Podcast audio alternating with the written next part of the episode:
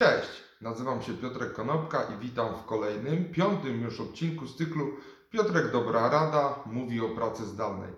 Dzisiejszy odcinek, tak jak wczoraj zapowiadałem, jest o produktywności i różnicach między wydajnością pracowników pracujących w biurze stacjonarnie od tych pracujących z domów. Oczywiście będą mnie wspierać moi dzielni pomocnicy, którzy gdzieś tam się kręcą, czyli dwa koty Ragnar i Geralt. A teraz już przechodzimy do badań zrobionych jak zwykle oczywiście przez amerykańskich naukowców.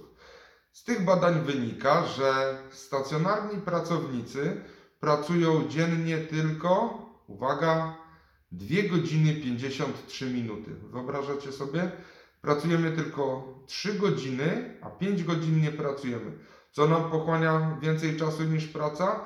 Oczywiście czytanie wiadomości ponad godzina, Facebook i ploteczki.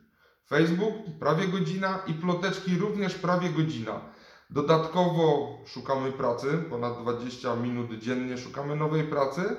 Nasi pracownicy szukają nowej pracy, czyli każdy z szefów, który się zastanawia nad tym, czy jego pracownik nie przegląda memów i stron ze śmiesznymi zdjęciami, tak przegląda. Przegląda również w pracy stacjonarnej. A jak to wygląda w przypadku pracy zdalnej?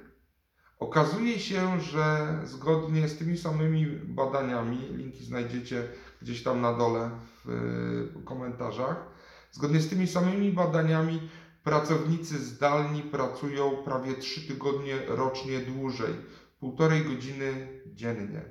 Pracują dłużej, to znaczy, że wykonują więcej pracy.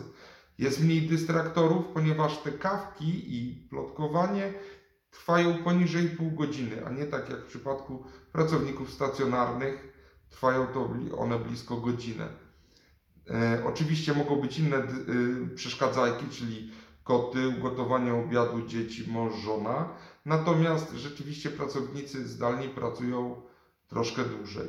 Dodatkowo nie muszą poświęcać czasu na dojazdy. Przypomnę, że średni czas dojazdu w jedną stronę w Polsce zgodnie z badaniami z 2017 roku to jest 41 minut w jedną stronę.